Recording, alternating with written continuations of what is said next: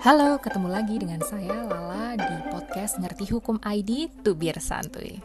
Kali ini tuh saya mau bahas soal perlukah menyelesaikan masalah hukum dengan didampingi advokat karena selama ini kan kalau kita uh, mendengar kata-kata masalah hukum tuh pasti identik dengan uh, advokat gitu kan ya.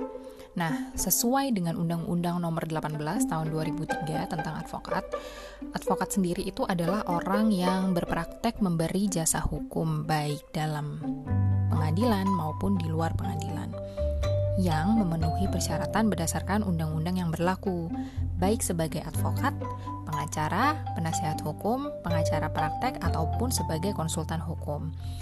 Nah, tentu advokat ini erat kaitannya dengan masalah hukum. Namun, apakah semua masalah hukum ini harus diselesaikan dengan didampingi oleh advokat? Sebenarnya yang paling utama adalah jangan sampai ya kita ini memiliki masalah hukum dalam kehidupan kita.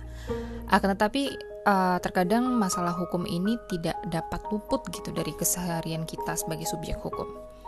Banyak sekali masalah hukum yang terjadi di kehidupan kita, baik yang kita sadari maupun yang tidak kita sadari.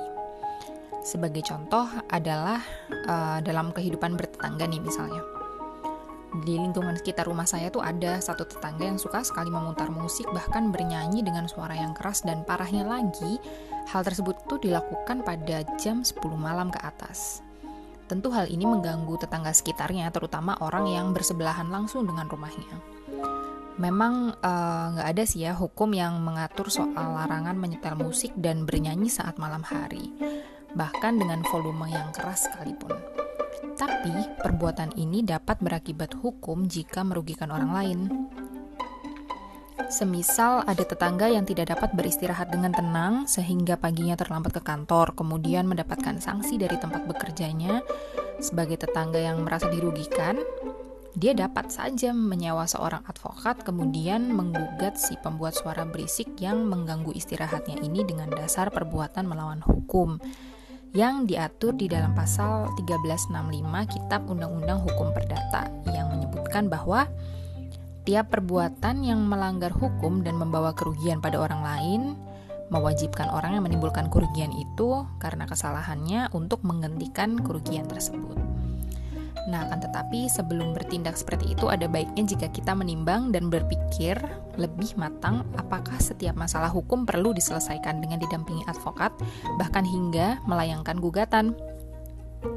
Belum lagi jika melanggar hak kita dan uh, mengakibatkan masalah hukum yang dialami ternyata melibatkan orang-orang terdekat, semisal keluarga, tetangga dan atau mungkin juga teman kita sendiri.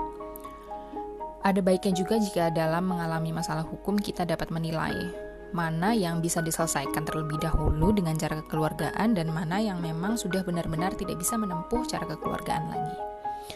Sekian dulu podcast dari kami, semoga bermanfaat. Kalau kamu suka podcast yang kami share, jangan lupa kunjungi website dan fanpage di ngertihukum.id dan jangan lupa kunjungi Twitter, Instagram, LinkedIn, TikTok, dan YouTube di Ngerti Hukum ID. Sampai ketemu lagi.